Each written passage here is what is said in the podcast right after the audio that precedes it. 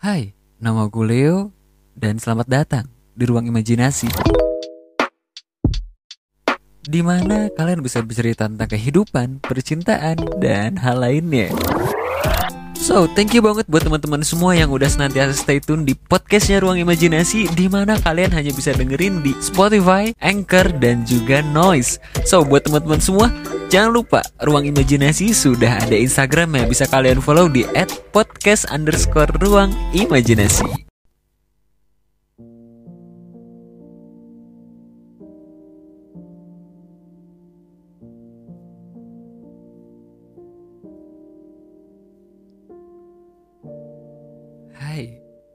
selamat malam buat teman-teman semua. Mudah-mudahan malam ini selalu sehat ya. Mudah-mudahan buat kalian yang sedang bad mood, buat kalian yang sedang bingung, semoga cepat membaik ya. Gak kerasa, sekarang udah mau bener-bener akhir tahun udah tinggal menghitung jari aja. Apalagi sekarang kan udah mau Natal ya. Tanggal 25. Kami dari tim Ruang Imajinasi mengucapkan selamat hari raya Natal buat teman-teman semua yang lagi menjalankannya. Semoga di Natal ini bisa menjadi Natal yang paling spesial. Dan semoga buat ke depannya bisa jauh-jauh lebih baik lagi. Oh iya, ada kabar gembira buat teman-teman semua. Sekarang, ruang imajinasi udah ada di aplikasi Noise. Mungkin di opening juga kalian udah denger ya. Dan di Instagram juga udah dikasih tahu kalau sekarang ruang imajinasi udah bisa didengerin di aplikasi Noise. Jadi kalian bisa langsung download aja di aplikasi Play Store atau di App Store dengan judulnya Noise. Di Noise ini banyak banget sih kalian bisa dengerin podcast di sana karena di sana itu emang khusus untuk podcast, bisa kalian audiobook juga di sana. Bahkan bisa live streaming juga di sana. Mungkin nanti kalau ruang imajinasi berkesempatan nih ya, bisa live streaming di sana dan bisa ngobrol bareng di sana.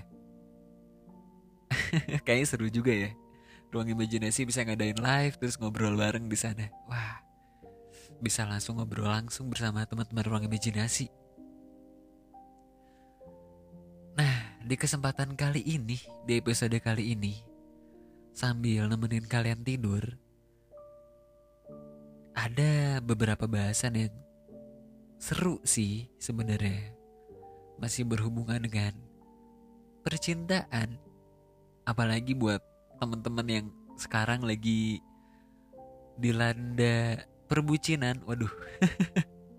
Mungkin buat teman-teman semua yang lagi bucin-bucinnya banget lagi sayang-sayangnya banget sama pasangan kalian. Bahkan sampai di posting di sosial media kalian menebar kemesraan kalian. Wah itu kayaknya lah kalian tuh lagi berbunga-bunga banget ya. Karena beberapa hal juga banyak aku lihat di Instagram, di WhatsApp teman-temanku atau mungkin di sosial media lain. Mereka lagi seneng-senengnya banget sama pasangan kalian. Mudah-mudahan kalian bisa langgeng terus ya. Mudah-mudahan kalian bisa terus sampai ke jenjang pernikahan dan apa yang kalian impikan itu bisa tercapai semuanya. Untuk episode kali ini kita bakal bahas seputar patah hati adalah sebuah luka dalam ujian. Sedih memang kalau kita ngebahas yang namanya patah hati ya. Karena siapa sih yang mau dengan patah hati? Siapa sih yang ingin diuji dengan rasa sakit hati? Pastinya gak ada yang mau dong. Termasuk ya aku juga gak mau sih yang namanya patah hati. Apalagi patah hati berulang kali. Kayaknya sakit aja gitu. Kalau kita patah hati berulang kali. Di saat kita udah percaya sama pasangan kita. Di saat kita udah yakin banget bahwa pasangan kita itu adalah pasangan hidup kalian nanti. Akhirnya kalian dipatahkan oleh patah hati. Kayaknya itu satu hal yang cukup sedih banget ya. Karena beberapa kasus juga banyak sih. Di mana di saat kalian udah yakin dengan pasangan kalian, di saat kalian udah satu frekuensi dan udah mem udah mempunyai mimpi yang sama ya sama pasangan kalian, akhirnya kalian harus patah semua itu. Mungkin dibilang ujian, iya. Aku sering bilang di episode sebelumnya, jadikan sebuah pengalaman atau ujian kalian itu sebagai pendewasaan diri. Di saat kalian patah hati, di saat kalian jatuh sakit karena orang yang mungkin dulunya pernah singgah di hati kita, jadikan itu sebuah pembelajaran, pendewasaan diri. Karena mungkin di saat nanti kalian menemukan pasangan yang baru, di saat itu pula kalian udah tahu kalian harus berbuat apa. Kalian harus menjaga seperti apa. Bukan kita menjaga jarak sama pasangan kita, bukan kita ngewanti-wanti. Tapi mungkin kalian tahu, kalian juga gak mau jatuh di lubang yang sama. Makanya, setiap kalian melakukan kegagalan, di saat kalian mendapati sebuah lubang, kalian harus pelajari lubang itu. Kalian harus bisa bangkit, kalian harus bisa maju, keluar dari lubang itu. Dan di saat kalian menemukan lubang yang sama, kalian udah tahu kalian harus berbuat apa. Karena patah hati itu memang bukan hanya sekedar ucapan. Patah hati itu ya sakit. Patah hati itu ya capek. Patah hati itu bisa bikin kita emosi, stres, bahkan depresi. Karena banyak banget teman-teman semua yang udah ngalamin itu. Dan aku yakin itu gak gampang untuk bangkitnya. Ayo bangkit buat teman-teman semua yang sekarang lagi mengalami fase di mana kalian tuh patah hati. Iya, patah hati itu adalah sebuah ujian. Ujian buat kalian supaya kalian bisa naik step ke level yang jauh lebih tinggi. Ada pepatah bilang, di saat kalian sedang tinggi, di saat kalian sedang ada di puncak, maka angin pun akan sangat besar. Tinggal gimana kalian bisa apa enggak menahan angin itu. Dan percaya nggak percaya, di saat kalian bisa menghadapi angin gede itu, kalian udah cukup luar biasa. Kalian udah menjadi pribadi yang jauh-jauh lebih baik dari sebelumnya gak cuma soal percintaan, tapi di dunia realita itu berlaku. Semakin tinggi level kalian, semakin banyak pula ujian yang kalian hadapi. Entah di keluarga, di lingkungan sekitar, atau bahkan di lingkungan kerja. Aku yakin kok teman-teman semua itu bisa menghadapi semua itu. Bisa untuk melangkah untuk ke level yang jauh lebih baik. Seperti yang aku bilang, jadikan sebuah kegagalan itu sebagai pendewasaan diri. Ada yang bilang, keluarlah dari zona nyaman kamu.